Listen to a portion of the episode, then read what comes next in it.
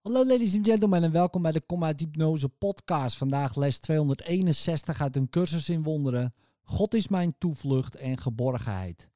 Ik zal me vereenzelvigen met dat waarvan ik denk dat het mijn toevlucht en geborgenheid is. Ik zal mezelf daar zien waar ik mijn kracht zie en denken dat ik binnen de vesting leef waar ik veilig ben en niet kan worden aangevallen. Laat ik vandaag geen geborgenheid zoeken in gevaar, noch proberen mijn vrede te vinden in een moorddadige aanval. Ik leef in God. In Hem vind ik mijn toevlucht en mijn kracht. In Hem ligt mijn identiteit. In Hem is eeuwigdurende vrede.